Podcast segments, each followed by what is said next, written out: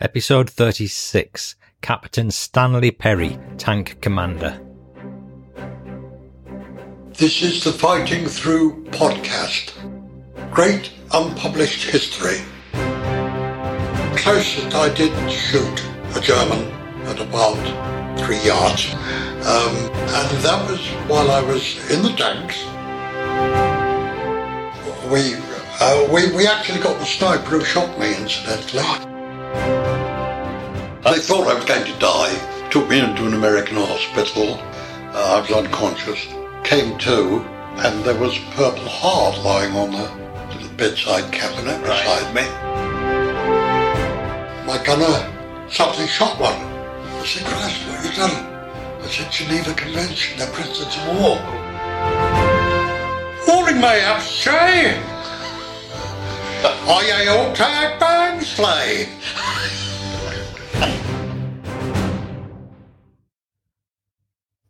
Hello again, I'm Paul Cheall, son of Bill Cheall, whose World War II memoirs have been published by Pen and Sword in Fighting Through from Dunkirk to Hamburg. My dad fought at Dunkirk, North Africa, Sicily, D-Day, and Germany. The aim of the Fighting Through podcast is to give you the stories behind the story. You'll hear memoirs and memories of veterans connected to Dad's war in some way, and much more. Captain Stanley Perry, who introduced today's episode, had a very eventful World War II. I travelled from Norfolk to his home near Grimsby in England for cake, coffee, and accounts of combat which at times left me breathless. Stan was in British Tank Regiment, the Sherwood Rangers, and saw a lot of action in Normandy and beyond. He entered his service running a POW camp near Ketteringham in England. According to Wikipedia, the Sherwood Rangers played a very active role in World War II. They were involved in the defence of both Tobruk and Benghazi, as well as the battle for Crete, and the regiment served in most of the major 8th Army tank battles in North Africa, including El Alamein and the Tunisia campaign, which of course was one of Dad's battles, the Battle of Wadi Akarit. The Sherwoods landed in France on D-Day and were in the thick of the fighting in Normandy and on the advance across northern France and Belgium. The Recce Troop was the first British unit to fight on German soil in September 1944, fighting in Operation Market Garden, and they later took part in the Western Allied invasion of Germany. The Sherwood Rangers were involved in further hard fighting around the Rhine, and they'd pushed on to Bremen and beyond by the end of the war. So Stanley belongs to a very distinguished outfit in the Sherwood Rangers, and we're now going to hear about his many adventures.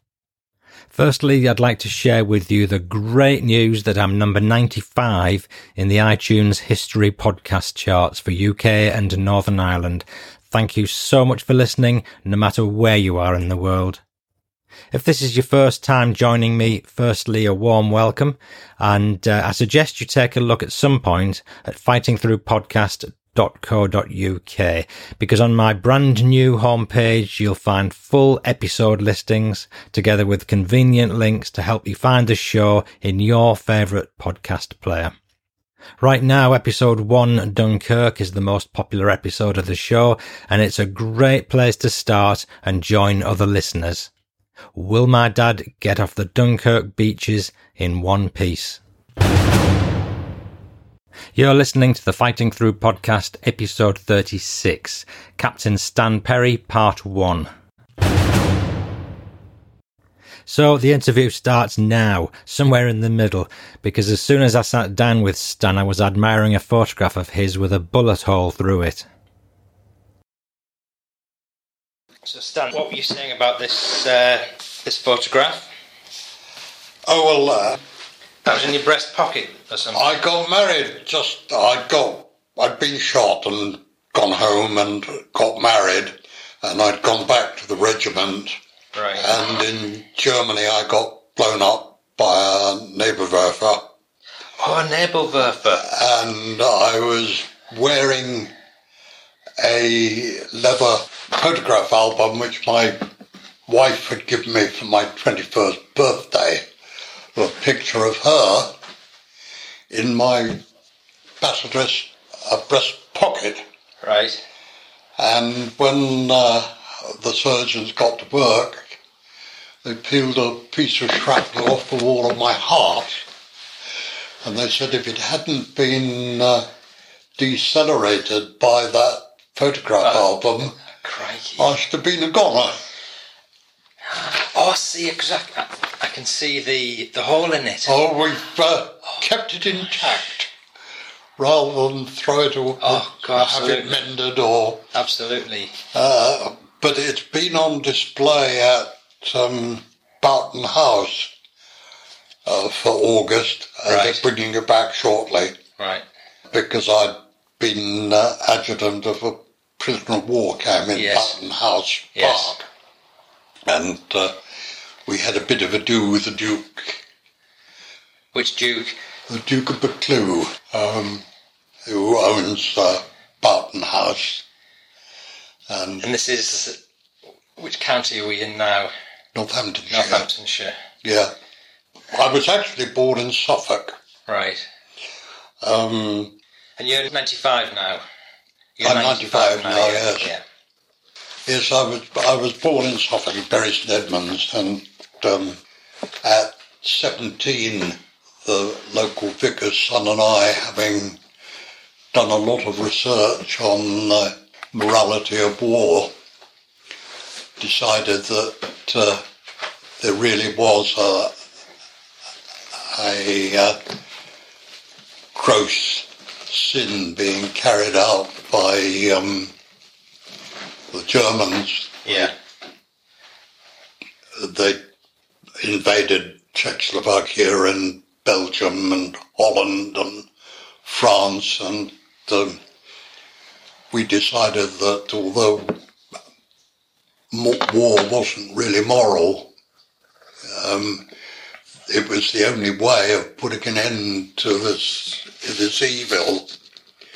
Uh, so we went and volunteered to join up, and um, we thought we would join the Air Force, and uh, went to Cambridge recruitment station and uh, passed all the medicals. Uh, then the uh, recruiting uh, commanding officer sent for us and said, "Understand you chaps, want he, he was a cavalry lieutenant colonel." Right. So, understand you chaps want to join the Air Force? And Yes. I said, yes, sir, please, sir. And he said, I've got a much better deal for you if you'd listen. Right. Uh, there's a young soldiers training regiment at Bovington, which trains young soldiers for tanks. Yes. And if you go there, you're pretty well guaranteed to finish up as at least non-commissioned officers. At least general. perhaps even get commissioned, you see. Right. Uh, we listened to this chap and we decided to join the tank regiment. So we went to the 58th Training Regiment, Royal Armoured Corps at the age of about 17 and a half. Took young soldiers between, we just scraped in at 17 and a half, between 17 and a half and 19 Right. and uh, there was a full six months training program of um, military discipline to start with, and then uh, driving and maintenance, gunnery, radio, and then uh, tactical tank warfare, and that took six months. Right. Um, it was interrupted because uh, I was volunteered. Like the sergeant came out and said, "Here to here." Yeah. you volunteered Yeah. uh, to take a, a mump serum that's the American uh, who weren't in the war then, but who uh, Gosh. had a medical unit over here. The Americans were developing a mump serum, and uh, we all got injected And with this want- mump serum, They wanted some guinea pigs. And we all finished up with jaundice. Oh gosh. So Did you get mumps? didn't get mumps, got jaundice. And so uh, uh, training got protected for a month, while protected for a month while um, while we were in hospital recovering from uh, yellow jaundice. Oh gosh. American hospital, quite nice actually. um, so after that, uh, I took a War Office selection board for commissioning, Right. and uh, I played rugby rather seriously at the time. In fact, I played for the army Yeah. in my time, and um, I, I think more on the basis of that than anything else, I managed to get through the War Office selection They, board they wanted you on their rugby team, did they? and got to sent to Sandhurst. That was another six months or more training, Right. and uh, then I was commissioned. What year were you born again? 1923, 23. November. Right. Um, and was your dad a farmer? No, my dad was a farmer. I was a factory labourer at that time. Right. Okay. My mother was a farm labourer's daughter.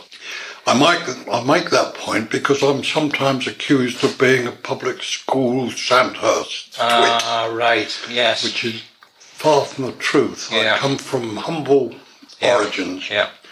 and I owe enormous debt to my mum and dad for I got a scholarship to a quite good school Right. And they made great sacrifices for me to be able to go to that school. to go. Yeah. because it, although it was a free place, it was still expensive keeping me there, and uh, I, I owed them an enormous debt. I got a scholarship to read maths at uh, Emmanuel Cambridge when I was 17, and my dad was rather angry with me because I'd gone and joined up and uh, said he would have it stopped but my mum and the local vicar persuaded him out of it.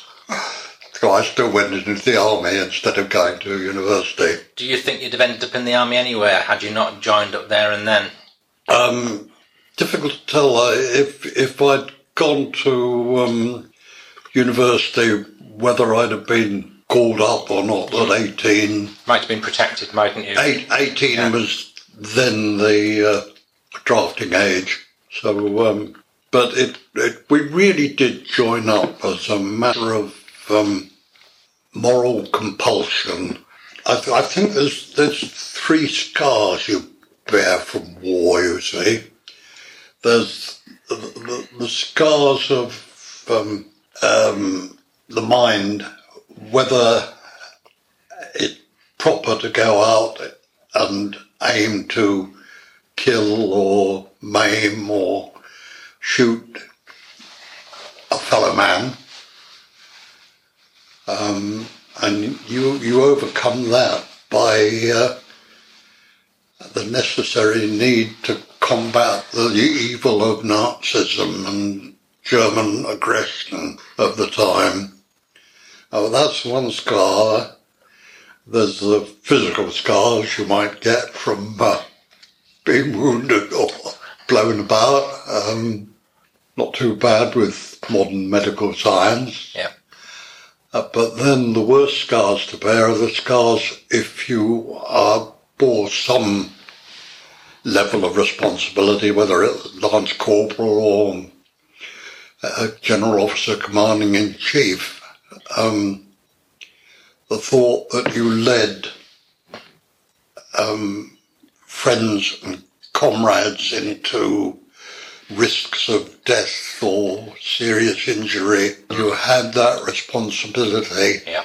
and you think sometimes, had I been, had my judgment been better, had I done the right thing at the right time, they may not have been killed. Uh, war is like that. You you have to make decisions at a moment's notice with a minimum of information, Yeah. and uh, if you get half of it right, you're probably doing fairly well. I asked Stan how his hearing was. It's the high register that I've lost. Ah, okay. Uh, are, are not so good. Do you think it's the war action that set this off, or is it just a, an old age Difficult thing? to tell because uh, I do have a piece of shrapnel in my left ear. Oh, God. Is it still there? Well, obviously. It's true. oh, gosh. Oh, crikey. Wow. Can I take a photograph of it? Well, yeah, sure. I've talked about um, war wounds and shrapnel and things with uh, an old veteran, Wilf Shaw, who has passed away. Yeah. And uh, he got all sorts of wounds and injuries and things. And my dad was wounded, and uh, he, when he was alive, he always showed the scars on on the back of his thigh and Oh. inside of his groin. And I can remember looking at them when I was a young lad and you, when you're that young, you don't really relate to what No. what he went through. But it's it's only now really that I'm reading all about it and talking to people like you that you know it begins to all sink in. Mine's a bit worse because I have a shower of uh, bits of shrapnel down my left chest, and uh, I have difficulty at airports Oh going through. I can't have uh, an MRI scan Right, because you yeah, 'cause because that's they, magnetic, isn't it? um, uh, well, the radiologist said "You- you'd blow my machine up. I said, bigger than it, blow my bloody chest can, I can have just I can just imagine this caricature of you laying on underneath the machine and they turn it on and you start getting sucked up to the ceiling by your chest. yes. Oh God! So uh, I can't have an MRI scan. But I, I went to the um, Commonwealth Games in Manchester because I'm a rugby fanatic. Right. We went to watch the Sevens, and my daughter took me and a couple of friends, and they all went through the um, metal detectors to go into the stand, Right. and, and they turned around and said, "Where the hell's Stan car? Where is he?" Um, the metal detector bloke was having me empty all my pockets. I Oh, got something, and I, I said to him, "No." I said, "I'll tell you what it is. I've, I've got some shrapnel down my left chest." I think he said, "That'd be damned for a tail." I'll be damned for a- like yeah, that. damned for a tail, And there yeah. was this. Uh, they got some TA chaps doing uh, guard duties around the stand. Right. And this TA chap round turned round and said, What did the gentleman say to you? He said something about having some shrapnel in his chest. And he said, where, where did you get it?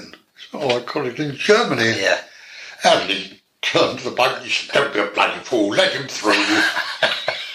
What a lovely story. so, uh, so is that quite fun. I'm not. I'm not going to ask to take a photograph of that, but if you were to bare your chest, would we see it, all the speckles Um, no, no, they don't show. The only thing Right. I've got, I've got a scar down my back where I had uh, what they call a rib resection. They took two bits of rib out to Right. get up my left lung, Ah, okay. Uh, which was peppered with. Um, Gosh. Shrapnel. We'll, we'll get we'll get on to how you and got they, wounded later they on. put a draining tube in to uh, uh, cut a couple of ribs out and put the draining pipe into my left lung. While, while we're on wounds, have, there, have you got any more injuries? Any? So I, I, I got shrapnel down here. I had some shrapnel Down on your my left right knee, On your knee, yeah. which uh, they wouldn't take until 1952 when the surgeon said, we don't get that out, you'll get... Uh, you, you'll get a bone infection. Oh, gosh. so uh, That was 52, did you say? that was 1952. Wow. Chopped a bit of shrapnel out of my right. The um, there's a, an old veteran that used to write to Wilf, and in, in oh, it must have been 20 years ago now. This letter he'd written, but it was Yeah. about he'd he'd been in for an appendix operation or something, and they, and they, while they were X-raying him or something, they found some shrapnel in his back, shrap, shrapnel in his back. It's un- unbelievable. Um, oh, it is incredible, isn't it? What people are carrying throughout their lives. yes, it is. Mementos. amazing. Yeah. Oh, this bit in my ear of, of, of barbers and uh, why surgeons say, "Oh, little quick nick with a scalpel, we can have that out in Yes. no time at all." Yes. So you leave the damn thing alone. That's my souvenir That's- to the care. I, I keep that. If conversation runs short, I can always show you a bit of shrapnel. Well, I suppose providing it's not, it is is good. Yeah. It's a good talking point, isn't it? Well, it's a bit of a laugh, but Yeah. um, I uh, it, I don't suffer from it. it No. No. I did have a piece of my arm until about somewhere in the 60s. And I got a little swelling Right. And I went to my GP and he said, oh, it's a sebaceous cyst. It'll go down. Right. If it doesn't, I'll have to um, Cut it open. cut it open Yeah. for you. Yeah. I said, you sure it's sebaceous cyst? Oh, yes, I've seen thousands of them. I came home and I was sitting next to Kathy, who was in her teens by then, and I said something to her and she thumped me on the arm. I called it a sp- splurge and a, some little blood came out. Bit of tissue wiped it off. Bit of shrapnel came out.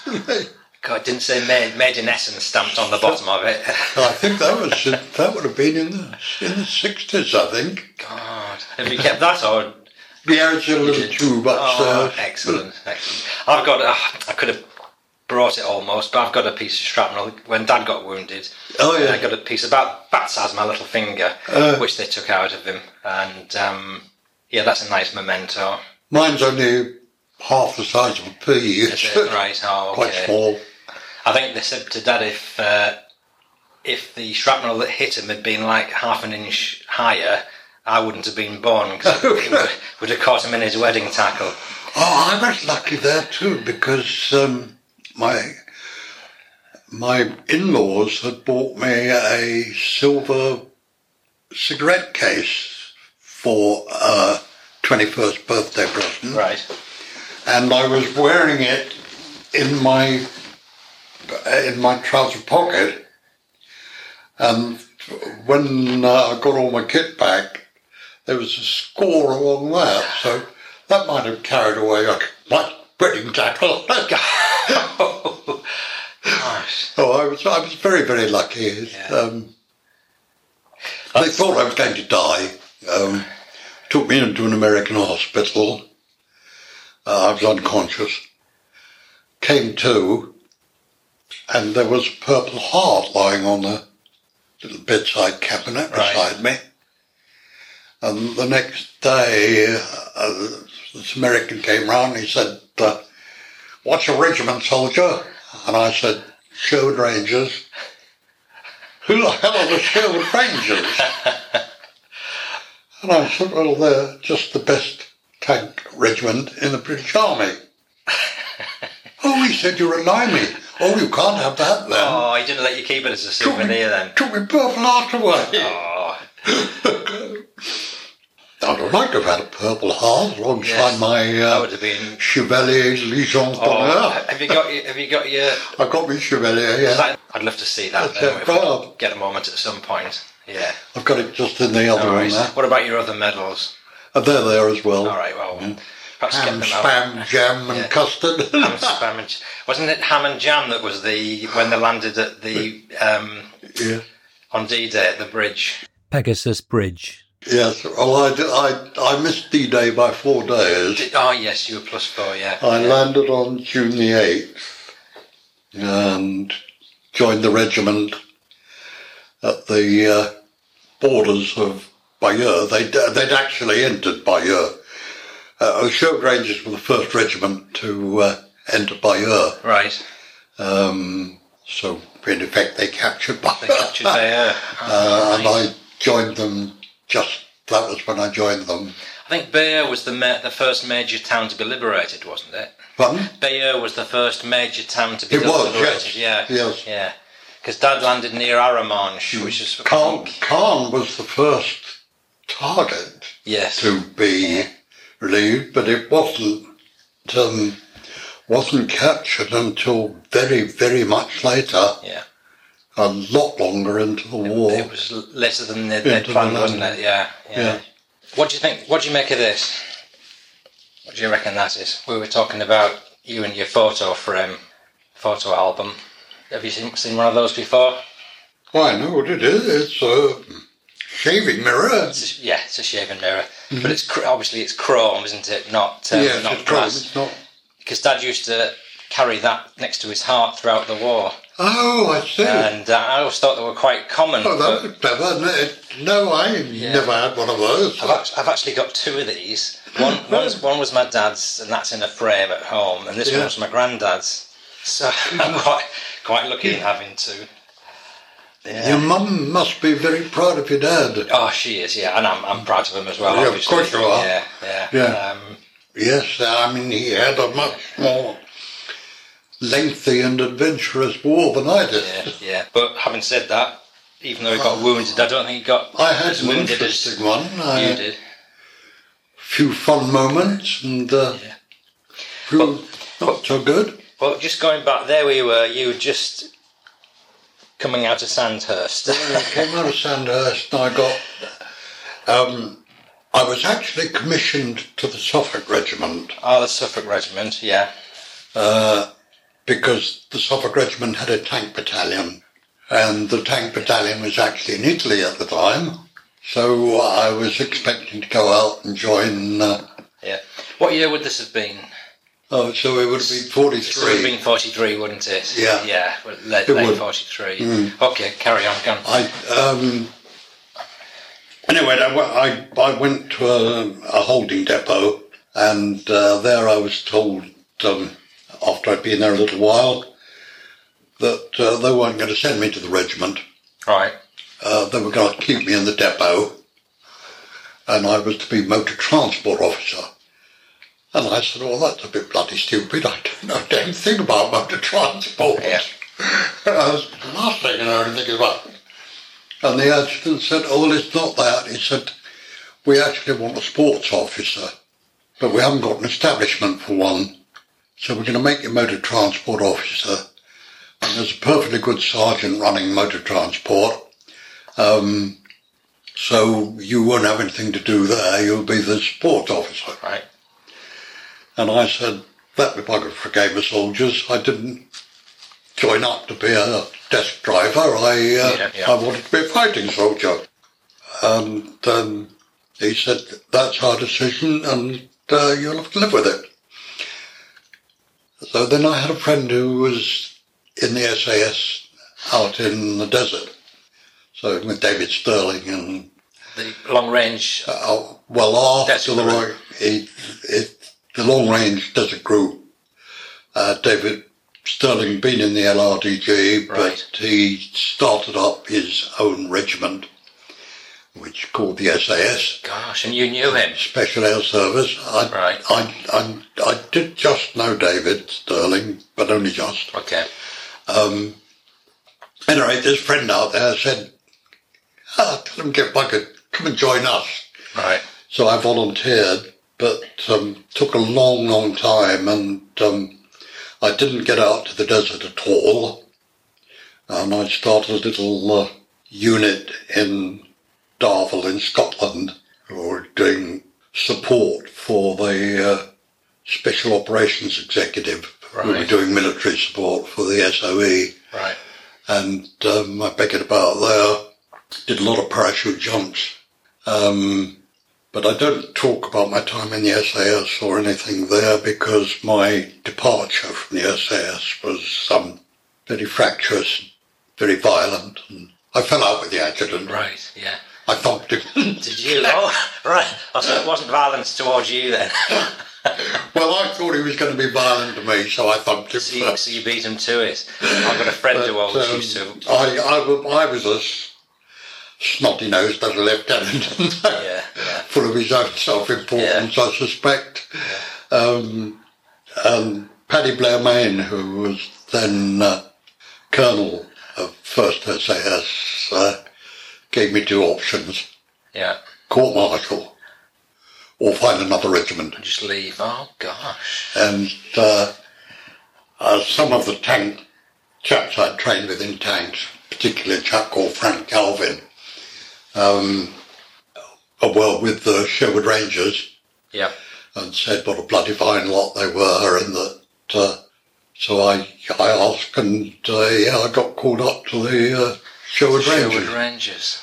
but I missed them by four days on D-Day. I did do the Ah, right. I did do the DD tank training at I, uh, that what- Pompey. I wanted to ask you that about the, di- duplex drive tanks, Yeah. floating tanks. Yes, well, I uh, I didn't have any um, practical fighting experience with them, but I did I did do the early training. They sat you in a tank at the bottom of a swimming pool and filled the swimming pool up with water. And you had to blow off your Davis apparatus when your tank got filled with water God. and escape. It was all rather. Oh, so this was in the, in the event. This was training in the event of sinking. You knew how That's to get right, out of the yeah. tank, right? Yes. But when I joined the um, when I joined the show rangers, when I picked them up but just outside Bayeux, the first tank I was given was actually an ex-DD tank and had still got the uh, Skirts. the hull. Uh, the skirts had all been stripped off, but Right. it still got the hull of the. Um, that was my first German. Because that was Percy Hobart, wasn't it? That Fun. was Percy Hobart. Herbert Hobart's Funnies. Oh yes, That that's right. Yes, invented the tank. The, yes, he did. the side skirts. Yeah. But uh, I mean, the Sherwood Rangers, of course, landed, um, did land as DD tanks. Yes. The, were they in support of a particular beach, or was that? Uh, there was Gold Beach, I think. Oh, right. So you'd have been. Yes, it was gold. Well, Dad was right. Dad was right behind you then. Because didn't the tanks go on first to offer a bit of protection? They went in pretty soon, I think. Yeah, I'm sure that. Well, I know when Dad was a, approaching the beach in his landing craft, Yes. an LCA, one of his comments in his memoir is that he could see a Sherman tank ahead of him on the beach with it had had these flails on for um, Yes, spinning around the Yeah, take the mines out, and it said it was. The, the flails were hanging there, and it was st- standing there like some helpless monster because it had been knocked out Yeah. and uh, his uh, commanding officer was, or yeah, his captain, Captain Lynn was standing behind the tank, waving the soldiers on. And uh, I think this is once Dad was on the beach, he could then see what Oh, was yeah. happening, and uh, he got shot and got killed. Uh, uh, Um, but uh, yeah, we lost, uh, we lost a few tanks there.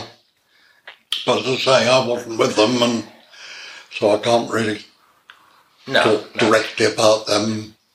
Only what I read, I I got a little uh, little library. Um, a, a very good friend of mine, I played rugby with him, called Stuart Hills. right, Oh, he'd been in the 58th Training Regiment as I had been. yeah, Uh, Stuart Hills has written a book by From Normandy to Berlin by Tank, I think it's called. Ah, okay, Stuart Hills.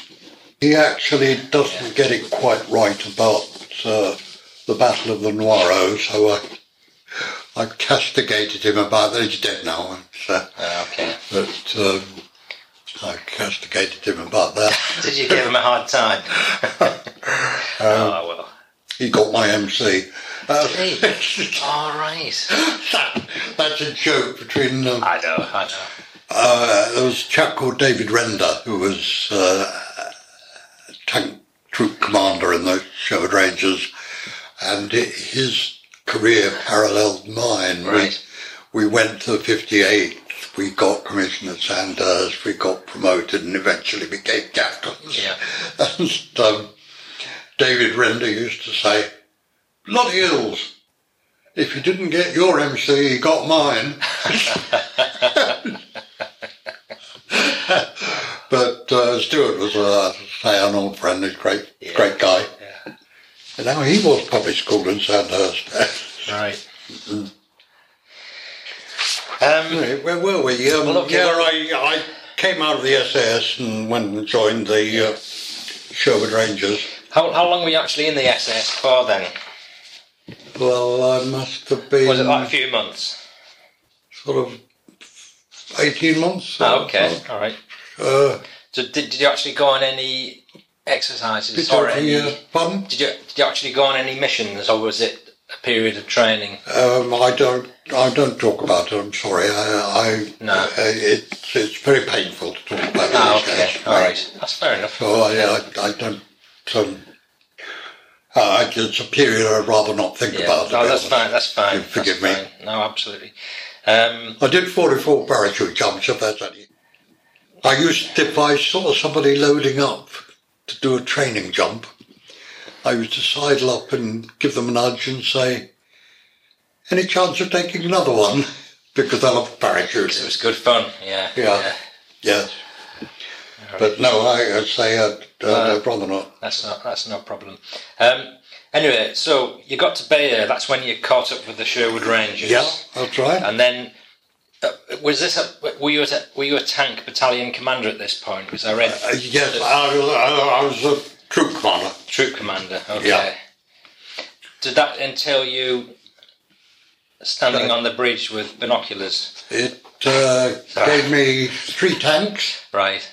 Uh, a bit later, four because uh, when the Firefly joined us, Ah, the Firefly. Right. which was the uh, Sherman tank with a 17 pounder gun instead of a 75. Do you know? I'll, I'll just uh, briefly pause here because there's my podcast. I get quite a lot of people listening to it, and uh, well, probably a couple of thousand regular followers, and then there's a load of others tail on throughout the rest of the Yeah. year. So you, you've got quite a big audience here. Oh, you could fill fill ten conference halls with the people who are listening to you. So just say hello to everybody. Hi, everybody. Thank you. And prior to that, quite a few people wrote in because I, I, I, I posted on my web page that uh, you, I was coming here today, and uh, one or two sent their best wishes from, Oh, from the group, group of listeners. So Yeah. uh, there's a lot of people who will be, you know, gunning for you. Excuse the pun. well, I was talking to the welfare officer of Sherwood Rangers just last week, and he tells me that there are only five of us from Second World War, left. left. Wow. and I'm the only officer, I think. Gosh.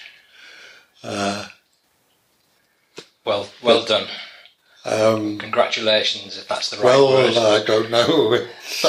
I've been damned lucky. yes, yes, yeah. I've uh, uh, my GP says that I uh, serve me rights if I have a lot of pain because I have abused my body. I played rugby for 25 seasons, Oh gosh. did 44 parachute jumps, and Yeah. got myself shot twice. What's your What is your secret to the longevity of your life then, despite all of that? Keep, keep away from magnets. um, I uh, um, a, a rather amusing little consultant. He was an Indian actually, so it surprised me particularly. He said, I'll give you three rules. Right. Keep taking the pills, Yeah. keep taking it easy, Yeah. and keep taking a wee dram every night. All right.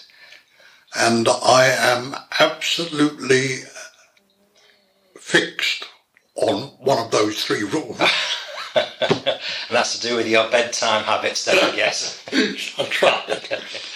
Uh, what is it? What is it you drink then? Is it which, Single malt. Single malt. Oh, Yes. right. Yes. I have a particular liking for Highland Park and Laphroaig.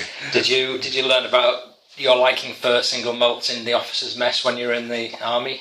Now, I learned about it when I was living on the land uh, doing my SAS training, Yeah.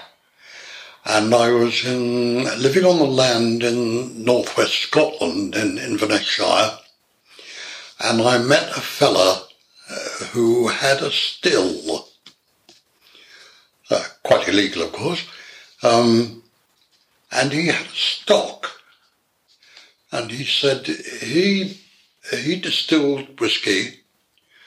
Uh, he stored his father's and he drank his grandfather's. and he expected his son to distill whiskey Yeah. and drink his father's Drink his, yeah. So passing it down the generations. Keep it in the family. oh gosh. But he gave me some some of his whiskey and I, I got rather sort of hooked. Uh, my other uh, my other hook I got was Calvados. Right. ah, Okay. I am very fond of a glass That's of like Calvados. uh, that's a sort of brandy, isn't it? That's an apple brandy from Normandy. Do you know, I had one of those last year because we went to, out to Normandy to visit. Oh, yes. to- we- I was going to talk about the beer thing and everything later, but just in brief, I, I did have some Calvados. Well, one of the things we picked up moving across Normandy was what the lads in my tank used to call rose water. Right. It was Calvados which had been stored through the winter in a small barrel and uh, till it iced up. Right. And then they had drilled through the ice and poured off the spirit. Yeah, yeah. And it was really quite. So- Uh, It I had a yeah. wonderful incident with that. I, um, my, my, our, our regimental chaplain was, uh, chaplain was quite a lad. And he used to carry a little mug. He used, he loved a glass of cider. Right. He loved a cup of cider. And he stopped by my tank and I'd got a little barrel on the back.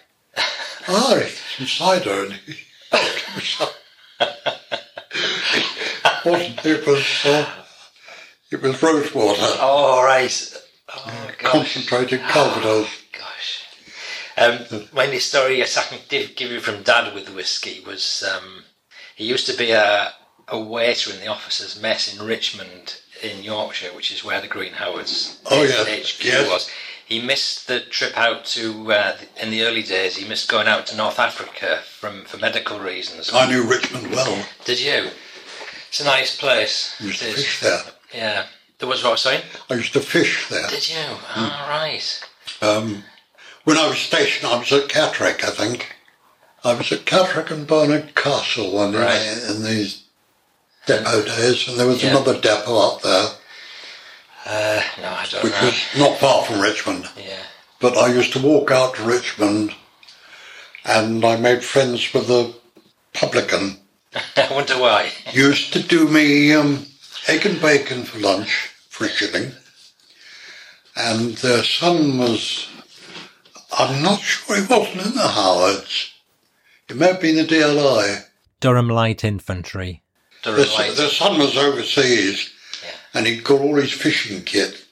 And they said, anytime you want to go and chuck a line in the water, you can uh, go and have a fish in the stream at the bottom of the garden. Oh, excellent. How good is so that? it was quite Yeah. fabulous. Mm. Well, Time. Dad was in Richmond and he was a Yeah. part-time waiter in the officers' mess. Yes. And he used to serve breakfasts amongst other things. And there was one officer who used to come in every morning for breakfast and he'd sit down and he'd say, I'll have the usual chill. And Dad knew what the usual was. It wasn't bacon and eggs, it was a shot of whiskey. I, I had a second in command as when I was at the uh, prison, when I was adjutant at the prisoner war camp. My second in command used to have a bottle of gin brought to his room at about eight o'clock in the morning, Yeah. and he'd drink, getting on for half of that Gosh. before breakfast. Before breakfast. Wow. and then he'd be through two bottles of gin in the course of a day, Every day. Gosh. every day. Um, it was very lucky for me because my uh, my colonel had got a club foot and was not very handy and Yeah. uh, used to come to the office and then retire to his room and put his leg up. And, Yeah. uh, my second in command was, uh, say, an alcoholic, uh, and I was the adjutant, so I had virtually the running of a German prisoner of war camp with Right. 3,000 German prisoners under command. This was was this after the war? This was after, adjutant. just after the war had finished. I'm, yeah. I'm curious to know what it was like being adjutant of a prisoner of war camp. What um, Yes. were the Germans pretty placid at this point? Uh, uh, they they had nowhere to escape to effectively. Um, some of them fraternised with uh, young ladies in uh, Kettering, Right. which is about three miles away, and uh, sometimes had to go and fetch them back. How did they? I remember I went on leave and my colonel phoned and said, "You'll have to come back. We've had an escape." and I said, "Well, what do you mean escape?" He said, "Well, uh, we had we used to have a roll call at six o'clock every morning. Right. Three thousand bloody German prisoner roll call." and um, he said, uh, "There's one missing." And I said, "Well, have you had a word with Sergeant Toll?" And Sergeant Toll was one of my sergeants, Yeah. and he he knew everything. He knew what went on in the camp. He knew Yes, the lot. yeah. He said, "What that?" I said, "Well, oh, Sergeant Thomas, the man's got a girlfriend in Kettering. And uh, you'll probably find that he's gone into Kettering and she slept on his shirt. he rang me back an hour and a half later and said, oh, we've got him. Sergeant Toll went out and fetched him back. Oh, gosh, so you were right. Um, escapee prisoners. Um, So yes, I made great friends with several of the German prisoners. Yeah, In particular, there was one called uh, Gerhard Kasper. right. Kasper was uh, a great artist, and uh, he made me a carving of my cap badge from a block of lime, which uh, somewhere is around among all these pictures we've got. Right. It's down at Boughton at the moment. Ah, okay. Uh, but they've got all my. He also made me a cigar box from wood, Oh, wow. and he. My son was born while I was at um, the prisoner of war camp, Right. and he painted a card, which was uh, from the German prisoners, two two trees and a little sapling in the middle Oh, how lovely. to the proud father. Yeah. But then he he started. He wanted to paint a triptych for um, going behind the altar. Well, I'd given them a shed for a a, a chapel Right. in the POW camp, and he wanted to paint a triptych to go behind the altar. Is that like three little paintings together? Three paintings Yeah. of the, um, the the birth and uh, Oh. the nativity and the uh, and the crucifixion, you know. And um, so uh, I bought him some paints and some brushes and got him some canvas, Yeah. and uh, he made this triptych. And when the camp closed, that was after I left. Um, they gave it. They gave the triptych to the Baptist Church in Kettering. Right. Baptist Church in Kettering decided they couldn't keep it properly, so they gave it to Eden Camp. Right. And Eden Camp now have it on display, except that the Duke of Buccleuch are having a remembrance month in August with this display with all my artifacts and Yes. pictures. Um, had borrowed it from Eden Camp and it's uh, erected uh, in Boughton House uh, and uh, the Sunday Times did a, a piece um, about Soldier Stan being reunited with the, All right. with the. I, I, I really th- did thoroughly enjoy my couple of years, no, getting on for a couple of years at uh, Boughton, because effectively it was my camp. Yeah. That's, um, I, um, I had a commanding officer, but uh, effectively he left it all, Left. uh, and I was very happy. I take it the the British at this point were fairly sort of evenly minded towards the Germans at this point because they were a defeated nation. weren't Yes. they? Um, in fact, at a later date, I made friends with a. Um, he wasn't a German prisoner of camp. I only picked him up ten years ago. Um, a chap called Karl Koenig, who was uh, captain in the German cavalry Right. and a tank soldier. And he picked up with the Sherwood Rangers and we met at their annual dinner every year. And Carl and I keep up a sporadic correspondence. And he and I have decided that at some time during the course of our career, we probably shot at each other. Oh gosh. Yeah. And we've forgiven each other. Yeah. Yeah. Um, yeah. But yes, um, What was it like being in a tank being shot at? Um, got a bit hairy now and again. I- I'll tell you the tale of the tomorrow when we get there. Okay. and, All right. uh, yeah. that As I say, I, um, my memory's not very good about individual battles. Worry. 8th Armoured, 8th Armoured Tank Brigade Yeah. was uh, an independent tank brigade, Right. independent armoured brigade of three regiments, of which Sherwood Rangers was one. Um, but we were used as army troops rather than a division or corps, so we might go anywhere. And quite often we'd be even just a couple of troops sent off to support some infantry effort. Um, so we were here, there, and everywhere. and you sort of bobbed about and never knew quite. Uh, the one thing that was desperately short as a tank troop commander was maps. Um, I'm not sure I ever had a real proper map of Normandy. Throughout your time. I had a board and I got my brief from my squadron commander and I might do a little sketch for myself of where the hell I was going. Yeah. But half the time I didn't know where the hell I was anyway. and uh, to, to make my notes, I've had to sort of refer back.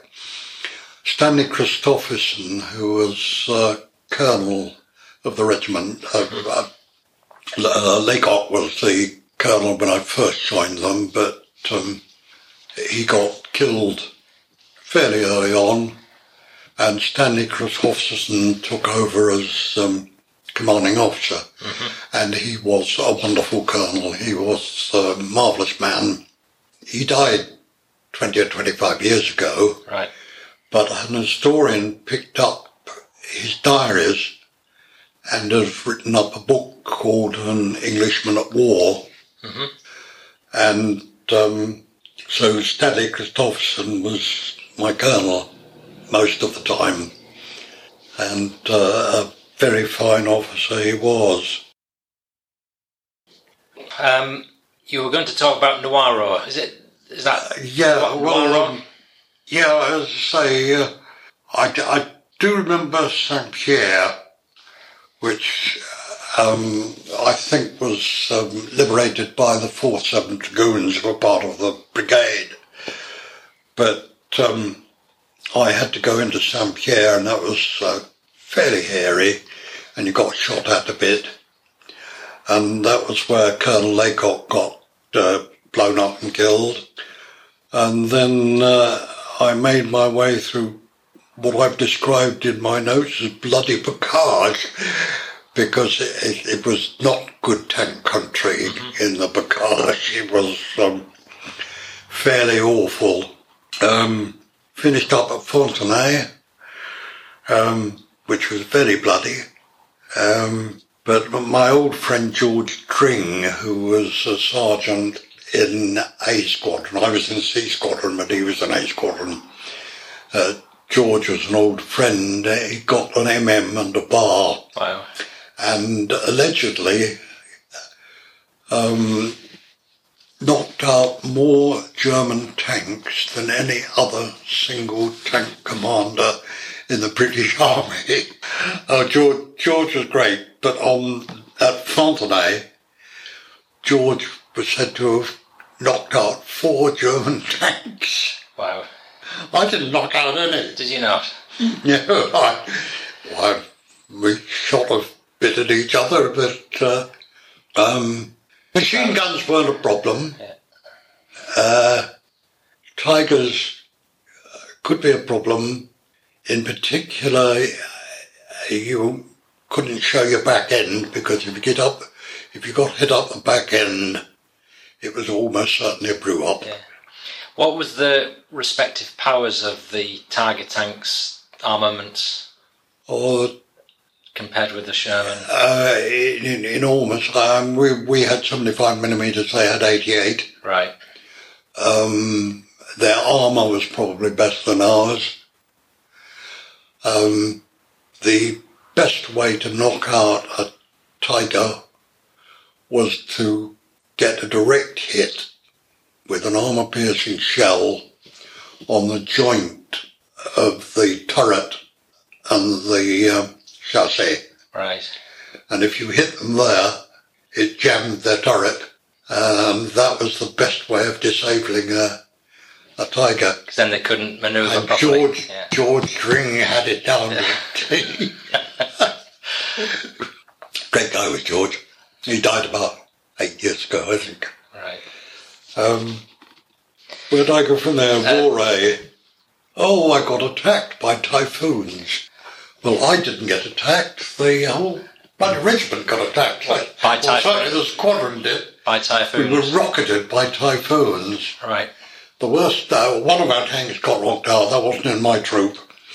Um, but uh, my, um, I had use of a Bren gun carrier for fetching up uh, rearmament for the tank. Right. So I had a Bren gun carrier full of ammunition parked not very far away. Yeah. Got a direct hit from a Typhoon rocket. Gosh. Um, Did they, that, so that was friendly fire then? friendly fire, yeah. yes.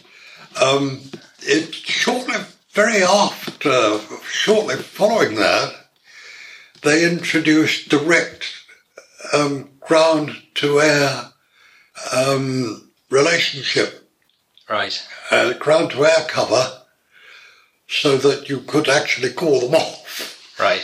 But um, at this time, you were you were supposed to put out some red smoke, I think it was, to Okay. indicate you were from the tank. you were, yes. Yeah. But all the typhoon people thought, uh, ah, we've hit the bastard. He's smoking.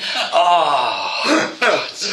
um, we did get invited back to their airfield to um, Say sorry. say sorry.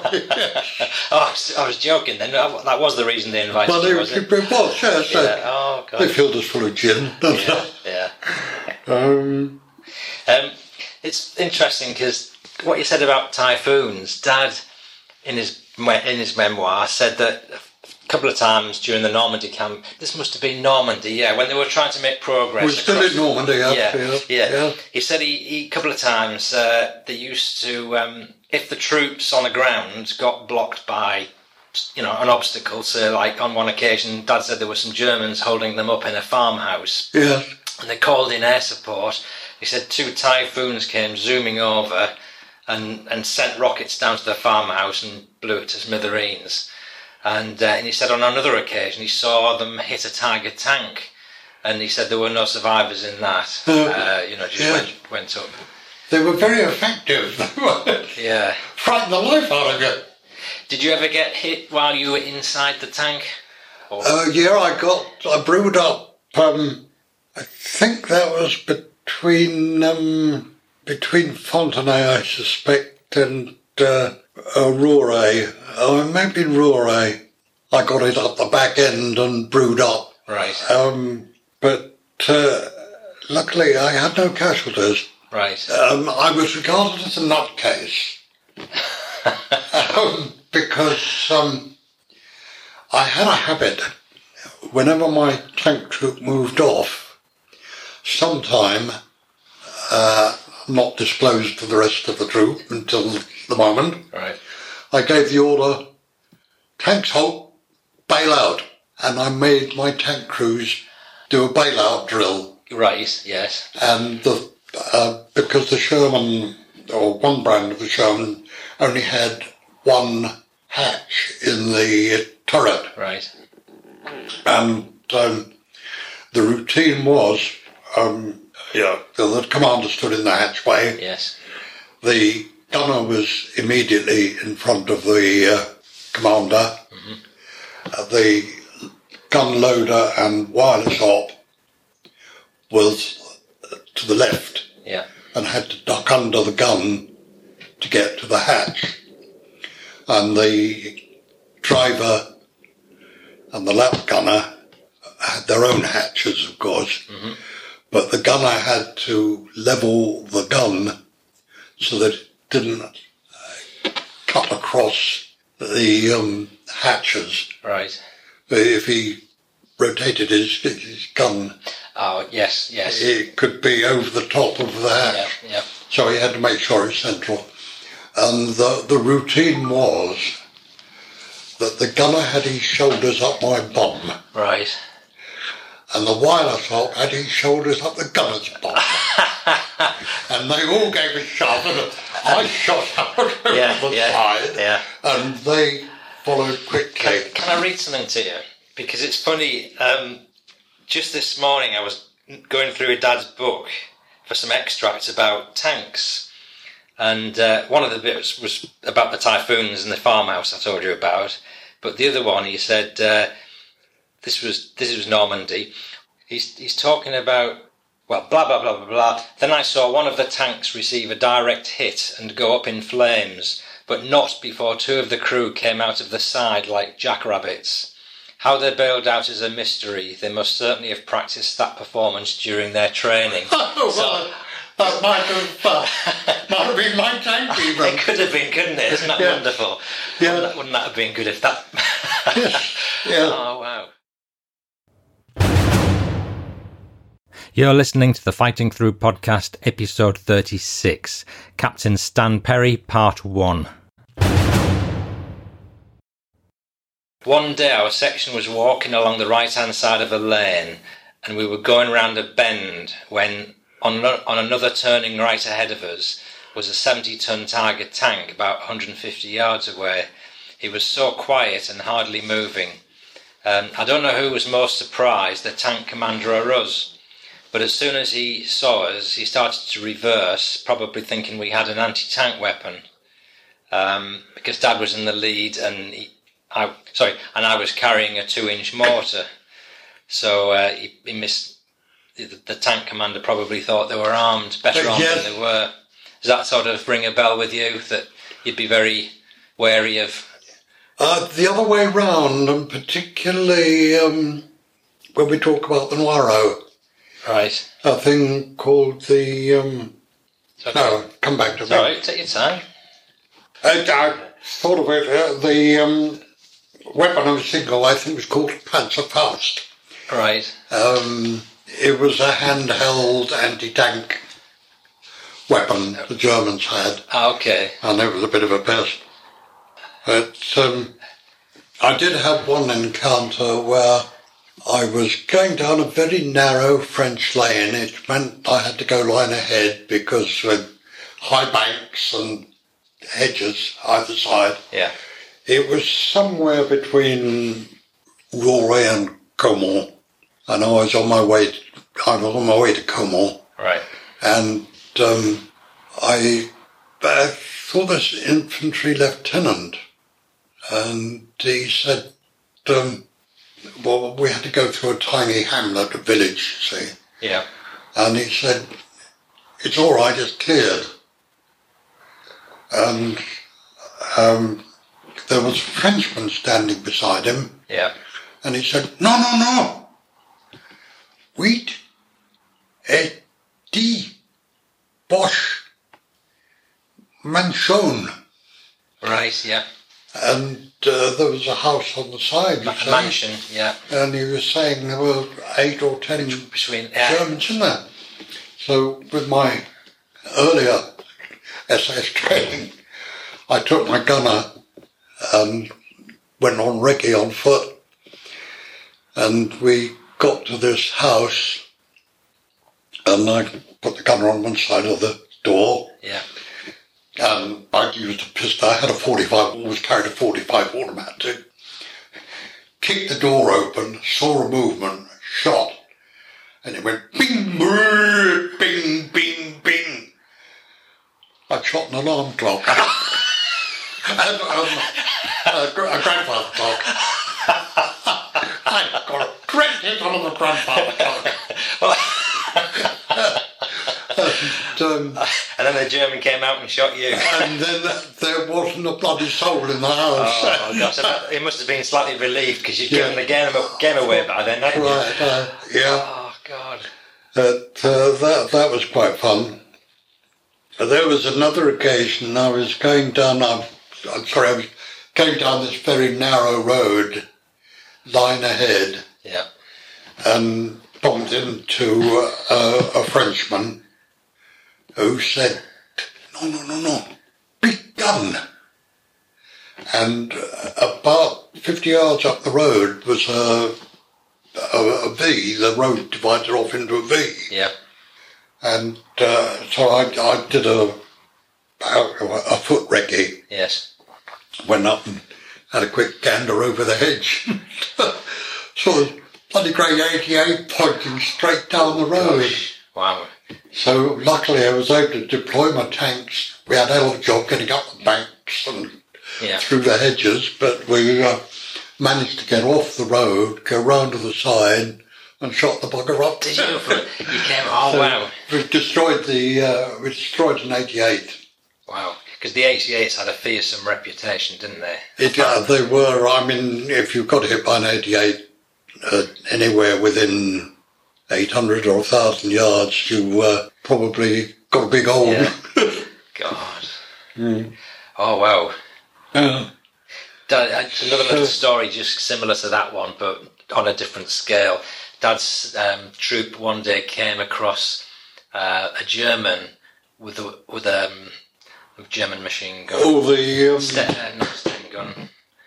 Oh, ah, I'll have to edit this bit out. yes, Uh, 1,400 rounds a minute. was it? Yeah. Dismounted Yeah. uh, aircraft gun. Uh, A Schmeitz. No, not a Schmeitz. Uh, uh, oh, oh, this is embarrassing. I had one. Have you?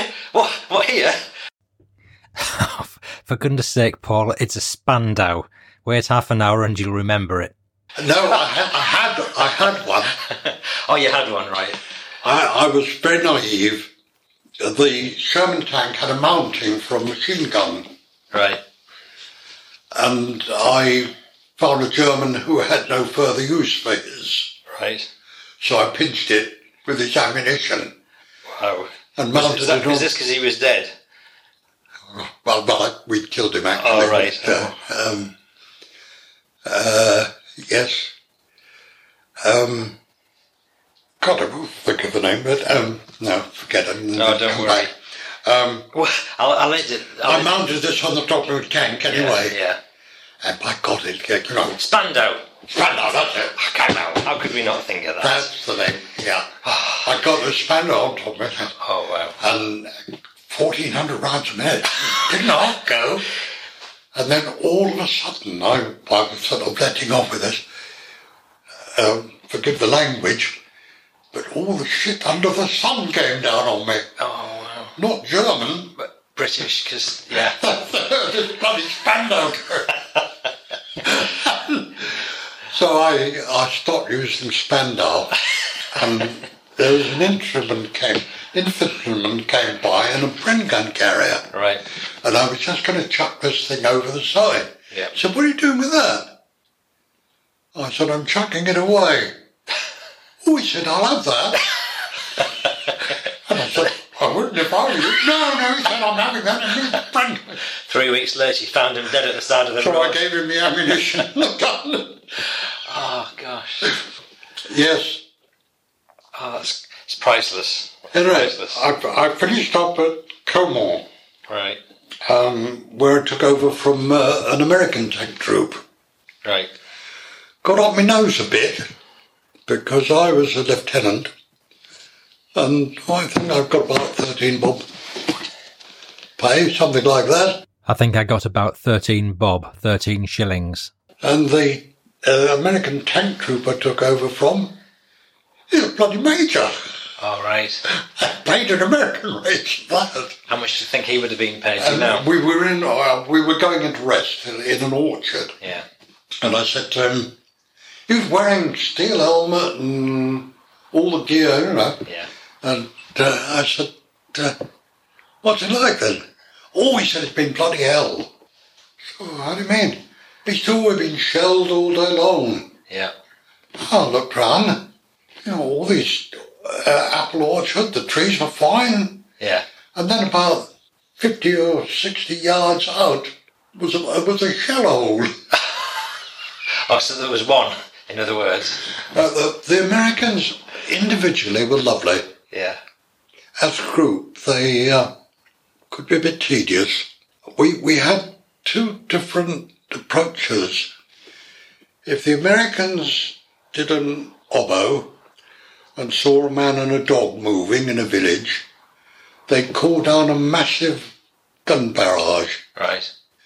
If we did an oboe and saw a man and a dog moving in the village, we'd think that might be a Frenchman even. Yeah.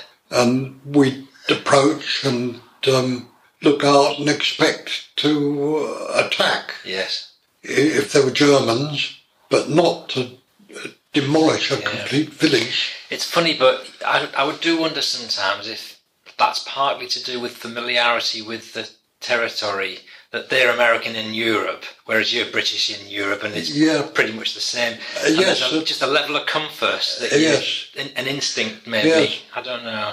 But they did always, uh, a bit like a film of war, they, they used to dress up in all this protective gear with helmets and carrying guns and. Uh, uh, um, but I, I had some very good American friends. Uh, one in particular who was a pilot who, um, after I went overseas, used to go and visit my mum and dad every week Did he? and take them a bag of goodies. How good is that? And Yeah. uh, you know, I had some lovely friends among the Americans. So I'm not Yeah.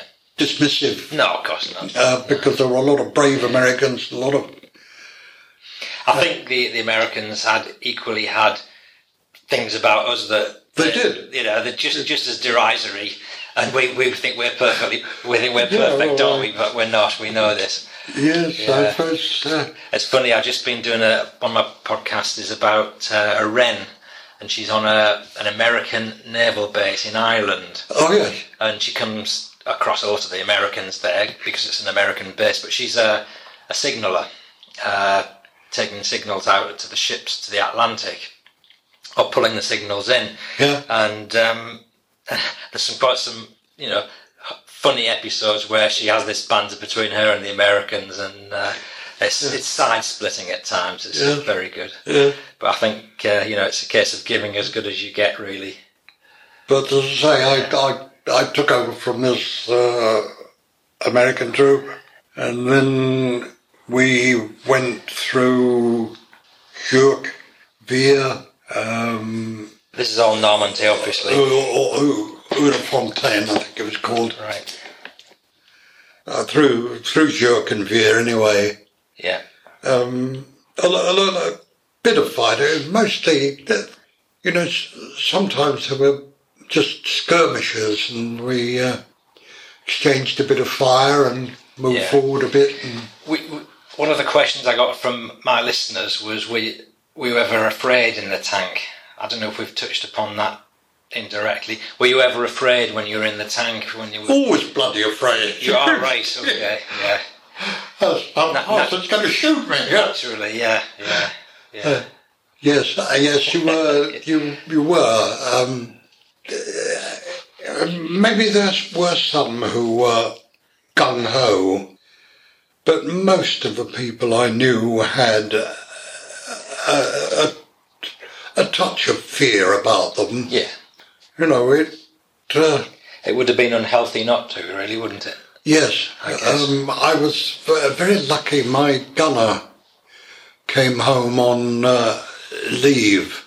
He'd been through the desert and he hadn't had his six months in the UK, so uh, he got some leave while I was um, with the regiment, and I sent my wife back a, a bottle of scent I bought in Ostend for a little or no money. Right. Uh, uh, Chanel, actually. Right. And um, he, he wrote to my wife and he said, I love your husband as a commander because he is fears nothing but never take stupid risks. Right. It's perfect balance, then, isn't it? Uh, well, that, uh, and I was very proud of that. Yeah. I've still got the letter somewhere, It's, actually. it's a good testimony. He uh, wrote, uh, he was my gunner. Henry, we arrived in the Noireau area. I was going to say, and is, is this the? Actually, I've got a listing of all your battle honours for your regiment, Yes. and I've got some of those places you mentioned, I've got them down on here, and then you come to the Noireau Crossing. Is it Noireau? Noireau. That was the river. Yeah, ah, okay. Um, there on was a little town called Conde sur Noireau, Right. and uh, a bit further on was a small town called Berjou. Right. But this is the battle that I can really remember word for word because it's where I got shot, and uh, so uh, and it it was a very very bloody battle. We lost seven tank commanders. You're saying it's the the battle that you remember most. It's, uh, I, I, it was the first time I got wounded, Right. and uh, so I remember it, and I was the lead tank. And I'm recorded in Stanley Christopherson's diaries as being the first tank out of Normandy. Wow. Um, that's across the Noireau. And across the yeah. Um, so I'm, I'm rather proud of that, and, and, and I do remember it very well in in sharp detail. We'd been fighting for two or three days in some very rough Bocage country around the Noireau area, Uh, but we'd established a position on the perhaps uh, thousand yards from the uh, River Noireau and uh, lagered up for the night. And by the time we lagered up, it would have been 10 o'clock. And uh, by the time we'd um, armoured up the tank and refueled and had a bite to eat, it had been getting on midnight. And uh, we used to sleep in, uh, uh, we, we rigged a canvas sheet on the side of the tank and the whole tank crew, five of us, used to sleep side by side Right. under this uh, lean-to sheet. Yeah. So we got down to Kipport, probably about midnight, had just got nicely off and got a shake on the shoulder, you know, that a runner from regimental headquarters. Right. Colonel wanted me, you know. Christ, what have I done? Colonel. Colonel wants me. Right. I went uh, to Stanley Christopherson, who um, said, "Ah," he said, "you've done a couple for me before." He said, "I want a recce done," but he said, "I don't want it done by one of these infantrymen. I want a soldier, tank soldier to do it. All right. I, I want somebody to go and have a look at the river because the bridge has been blown. I want somebody to go and have a look at the river. Is it crossable by a tank?" So I had to crawl out through the bloody night. I, I had an infantryman and a sapper with me, minesweeper, sapper. Oh yes. Yeah. Um, anyway, he said, uh, with your back training, you're just a chap to do a recce. Yeah. And he said, I want, I want a tank soldier to do it because I don't want one of these bloody infantrymen. that Yeah. Don't know one end tank from another. Yeah. So, uh, go and have a look at that river. So we crawled out, um, disarmed a couple of um, anti anti personnel uh, mines on Yeah. the way, luckily, tripwires, Yeah. and um, saw some smoke and a little glow and some German voices, and uh, it was a machine, German machine gun post. Oh gosh. And my the infantryman with me said, "Hey, we, we better have a go at them. Yeah. Not bloody likely. I want to get down to this river." So, so we bypassed them. We went down to the river, and uh, it got a sandy bottom, and but there was only about three foot of water. Banks were a bit steep, but you could get down and up with a bit of care. Yeah. So uh, crawled back, and on the way back, uh, said to the instrument, uh, "We'll have a go at that like that little lot now." Yeah. All he'd got was percussion grenades, proper Mills grenades. Right. Yeah. Yeah. Luckily, I always carried one or two on my belt. Yeah. That goes back a long way. in. Yeah. so we, we, we lobbed a few grenades in and left them to uh, think about their sins. Pick the bones out of them. and uh, pick it off back to the old man and told him that the uh, river was passable. Great. Went back to my camp.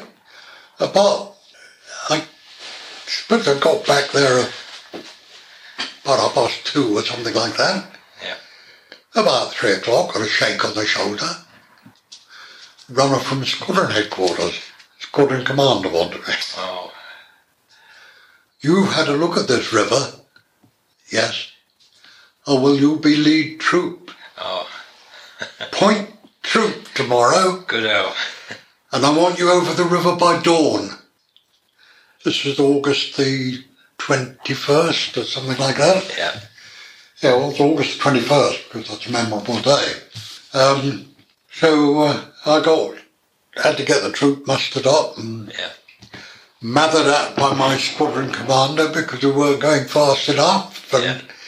headed off towards the uh, river. First thing we came to was a big grass plateau and it was peopled by sappers who were minesweeping. Yeah. They said, you can't cross over here.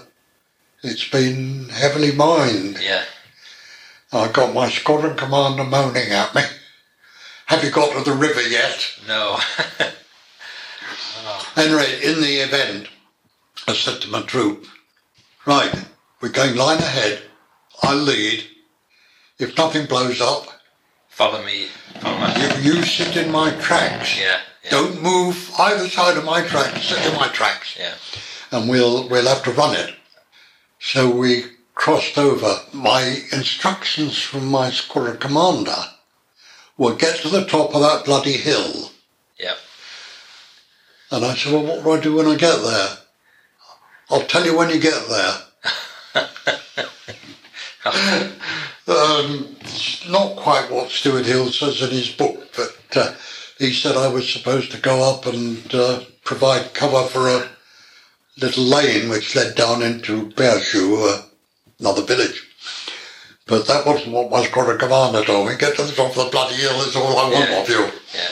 So we um, followed a little track, came to a wayside um, crypt thing with a, a crucifix, Yeah. and my lap gunner was a devout Catholic. And he looked at me and said, Can we all get out and have a prayer, sir? So not bloody thanks, we've been shut out from all today. anyway, I compromised and we, we stopped the tank. Well, we stopped the whole bloody troop beside this crucifix Yeah. while we had a little prayer. Um, moved on, and it was absolute awful country for tanks. It was overgrown, overgrown bocage, littered with mature trees, and you had to wriggle your way around the trees, and you couldn't see. Uh, the bocage was eight foot, ten Yeah. foot high. Yeah. Couldn't see a bloody thing. And uh, we got into this, and uh, I heard a big bang and a slithering noise, and something whizzed by my head. But I, I always had my tank lids open when I went into action, mate. Sorry. In case you had to get out quickly. Yeah, Ah, okay. so Yeah. Partly that, and partly because of the vision, Ah, yes. Okay. You can see a lot better. Yeah. Um, anyway, something whizzed by, and my uh, wireless op said, lost my wireless. Uh, a Panzerfaust shell had Yeah. slithered across the top of my turret, Gosh. carried my radio aerial away. Wow. So it was literally like half a millimeter. Well, Just- was uh, just skim. worse than that. Right. Yeah. Yes. My, uh, I don't know, do you know about the 19 set? Do I? Yes. I've heard of. Do Oh, 18 or 19. 19. Oh, okay. I've heard about the Uh, 18. we, but, we had the 19 Yeah. set in the tank, Right. which had three elements. right. Had a, a, a distant um, radio element, a short uh, distance element, Yeah. and an intercom. Well, I lost the short distance and the long distance, Right. but luckily still had the intercom. I could still talk to my troop. Oh well. I could still talk in my tank, but I couldn't talk to my troop, and I couldn't talk to my headquarters. And uh, the wireless op tried all sorts of things to rig a jury aerial, but he couldn't get any connections, so I was completely out of touch. And by that time, I couldn't see my other tanks. Didn't know where they were. Somewhere out in this bloody Bocage, I'd got two, two other tanks. Anyway, um, what to do? So we, uh, well, we just keep, they know where we're going, so they'll head for the top of the hill, and we'll keep going to the top of the hill. It wasn't until afterwards that I discovered, discovered my corporal had hopped out of his tank to do a foot recce Yeah. and had been shot down by a machine gun. Uh, he was quite badly wounded, uh, but not dead. And my sergeant uh, was already an MM, a guy called Guy Sanders. Guy had got out of his tank to go to rescue Brookie, who was my corporal. And he'd been, uh, the book says he was hit by mortar fire. Uh, the, the story I got from the lads was that he was actually hit by machine gun fire, Right. but he was killed. So, although I didn't know it at the time, my uh, corporal was out of action. And my sergeant, um, I, I had no way of contacting them, No. and I couldn't find them in the Bocage. Yeah. So, what to do? Just, well, just keep going is probably the only thing to do. Another loud bang from the front, and the Panzerfaust that had hit me in the um, in the hull and bored a, quite small hole actually. Right. And my uh, my lap gunner said, "Jesus Christ, somebody's torn me trousers." Oh, And the blast from this thing, it had done no damage in the tank or anything.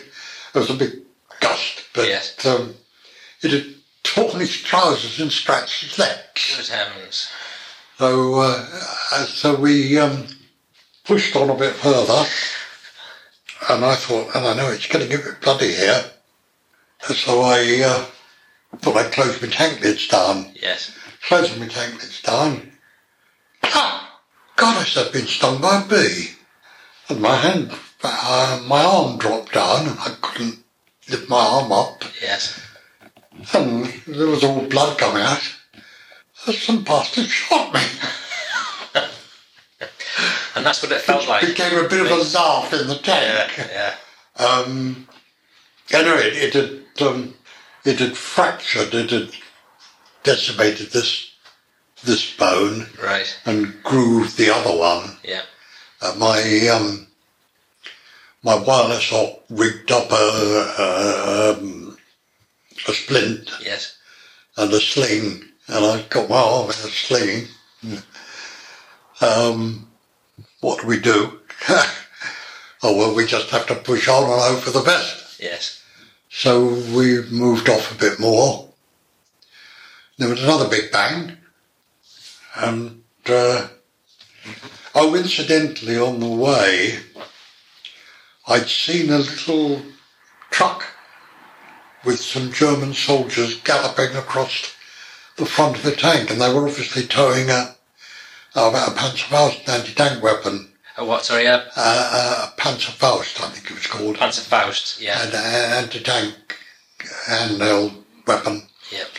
And we luckily we shot them with uh, machine gun fire from the uh, turret of the tank. As they ran across. We managed to catch them as they ran across.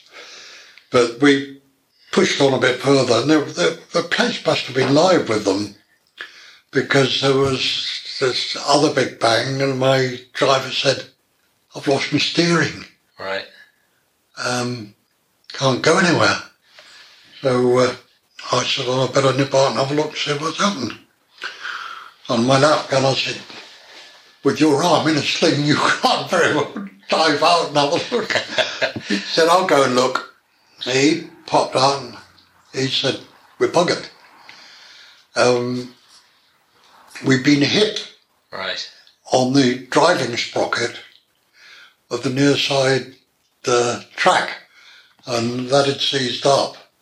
So we were driving on the one track, so we could actually go round. In circles. so, Yeah, yeah. but Ah. uh, my my driver said, um, if I don't do more than about half a mile an hour or something, he said I can creep the tank without losing line. Right. So we swung round and headed off back and went back Wow. to um, squadron headquarters, That was fortunate. which finished my um, my fighting career for a spell because uh, I got shipped off to the um, regimental aid post and they took one look and said, blighty one. Blighty one, yeah. And uh, so I got uh, shipped off by ambulance to uh, the, the the coast. Did you leave at Arromanches? Did you get? Uh, I'm not quite sure where know. it was. I was coming and going Yeah. by then. When Dad got wounded, he left via the Mulberry Harbour. Yeah, That's I Arromanches. did. We we went off one of the Mulberry Harbours, but Yeah. uh, just which one I couldn't.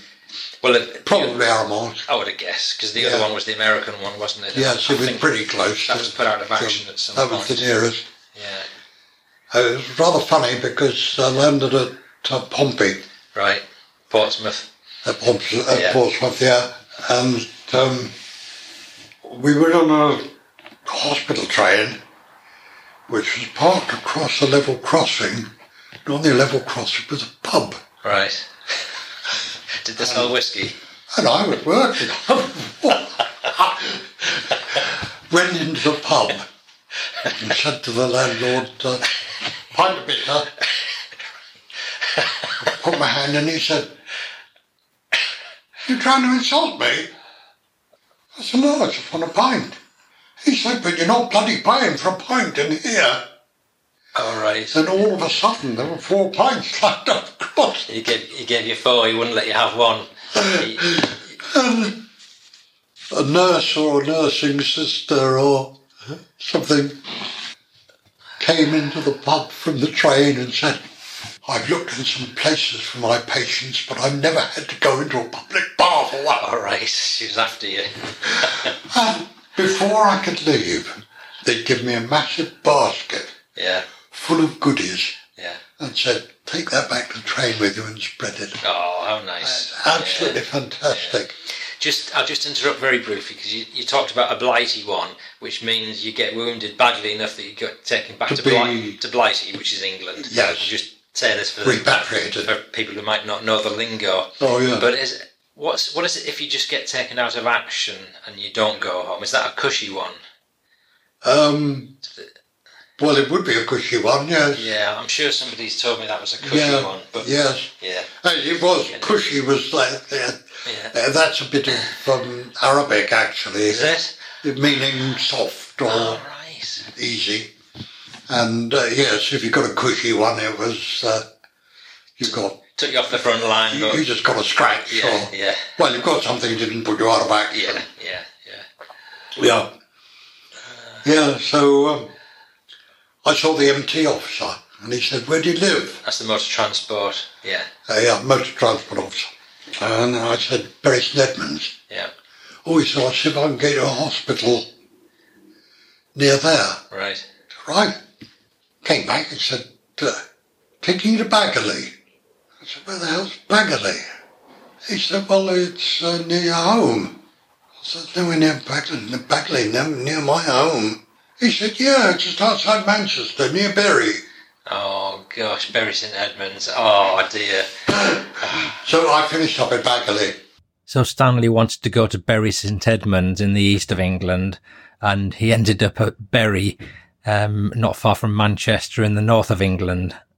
And I was so lucky because uh, the officer's ward sister was an absolute gem. Right. She was a wonder. And um, Sister Ingram, my name, her husband was the police sergeant at Ringway, oddly enough, Right. where I spent time doing my parachute training. Uh, I don't think he chased me.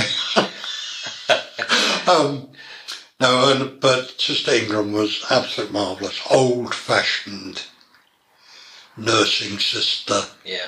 Ruled with a rod of iron, but was a credit to her profession. Yes. Anyway, uh, I met my wife. Uh, I was allowed out after a month or so. They'd taken the bits out and got rid of the bullet Yeah, and yeah. done all the things they needed to do. Sewn you up bit. I was just in a sling and um, so I was allowed to go to Manchester for a night out. Right. Uh, and bumped in, I went with one of my pals from the, uh, he was also a tank soldier. He'd been, he, he'd been burned rather badly. He'd had a brew. And we went into Manchester for a night out. Met these couple of girls, one of whom was a Dane. And Ah. Annalisa. Do you know, I know what was your wife called? Annalisa. Annalisa. When I saw we always called her Lisa. But, Oh, okay. um, But I did wonder if she was a foreigner of some sort. yeah, well, she was born in Copenhagen. Right. and her parents had moved to England just before the war. Yeah. Um, but uh, Lisa and I sort of rather hit it off, and we were married for 72 years. Wow. And um, anyway, uh, we sort of rather felt for each other and had a rather nice time together until December when um, I was itching to go back to the regiment Yes. because the Sherwood Rangers had been so good to me and I was very proud of them. And uh, Stanley Christopherson sent, I'd been sent to a holding depot to go out to the regiment, begging about, um, doing nothing. And uh, Stanley sent a message, the return of this officer to his regiment is uh, requested at the earliest possible opportunity. Yeah. And he crossed out requested and put demanded. Demanded. Well, that's the end of part one. So Stan's about to be called back into action. Here's a few extracts from part two, which you should find available for download right now. I, I heard this mm, boom. And I thought, bloody Nebelwerfer. Oh, Christ, bloody nuisance. Where, was it hitting? Oh, about 100 yards away. Right. So I kept on going back to my tank. Second one, a bit closer. Mm, boom. The third one. Christ, I was getting bloody close. I better get my head down. Yeah. I was diving for cover when the fourth one came. Went into a house and there was a bottle of wine stood on the table Right. And a glass beside it. And I always took my gunner with me on these things. He was a good lad. He took my gunner with me. And he said, oh look, he said. There's some wine there. Don't, touch that. We, uh, we, we actually got the sniper who shot me incidentally. Oh, did you? Yeah. He was up a poplar tree. Right. There was a little row of poplar trees. I'm Stan Perry, and I'm saying bye-bye now.